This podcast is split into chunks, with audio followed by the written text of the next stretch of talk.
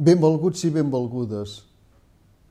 Per voluntat del papa Francesc, avui és el diumenge de la paraula i aquesta setmana vinent som invitats a reflexionar sobre la importància de la paraula de Déu en la nostra vida cristiana.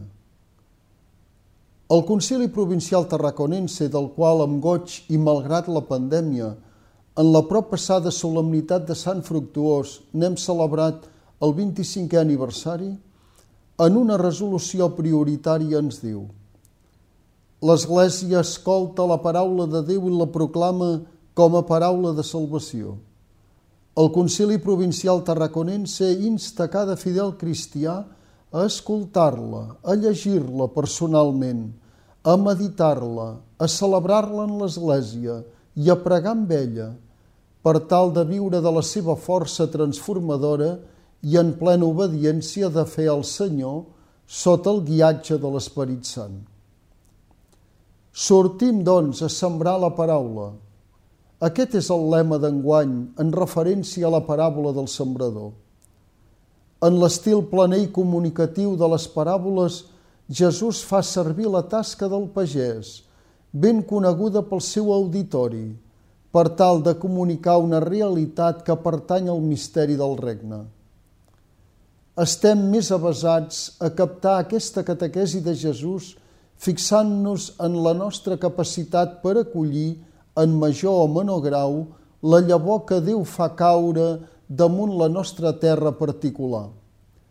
Però en aquesta ocasió el lema ens fa centrar la mirada en la tasca de l'agricultor i ens convida a posar-nos en el seu lloc. El primer pas que se'ns demana és sortir de casa i anar a cercar tots els possibles camps que es presentin. Sembla que el nostre moment històric conté una gràcia especial per viure-ho. En efecte, el papa Francesc ens ha convidat una i altra vegada a esdevenir una església en sortida, a no recloure'ns en les nostres pors i inseguretats, sinó deixar-nos dur pel vent de l'esperit que vol renovar i recrear-ho tot. Cada cristià i cada comunitat discernirà quin és el camí que el Senyor li demana, però tots som invitats a acceptar aquesta crida, sortir de la pròpia comoditat i atrevir-se a arribar a totes les perifèries que necessiten la llum de l'Evangeli. Tanmateix, la comunitat cristiana cauria en un parany si sortís a fora sense res per oferir, sense cap tresor per regalar. Seguint les petjades de Jesús, que no perd ni una ocasió per sembrar la llavor del regne dins el cor de cada persona, la nostra tasca implica il·luminar les tenebres i amorosir les ferides de tanta gent que cerca una vida plena de sentit. Només pot comunicar la paraula aquell que experimenta dintre seu el foc ardent del cor de Jesús, aquell que comparteix els seus sentiments, els seus dolors i les seves joies. Sembrar la paraula, doncs, demana zel apostòlic i valentia, però també demana molta pregària i molta humilitat. No fos que en lloc d'oferir Déu ens oferíssim nosaltres mateixos. Un cop ens hem posat en marxa per transmetre a tothom la joia de l'Evangeli, hem de ser molt curosos a no voler ocupar el lloc del segador. No ens correspon a nosaltres judicar en quina terra ha caigut la llavor ni calcular quin percentatge de fruit produirà.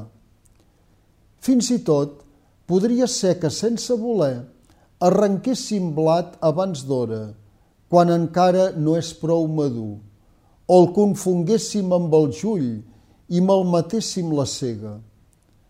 I és que pertany sols a Déu la cura de l'evolució de cada cor, de cada persona, de cada comunitat.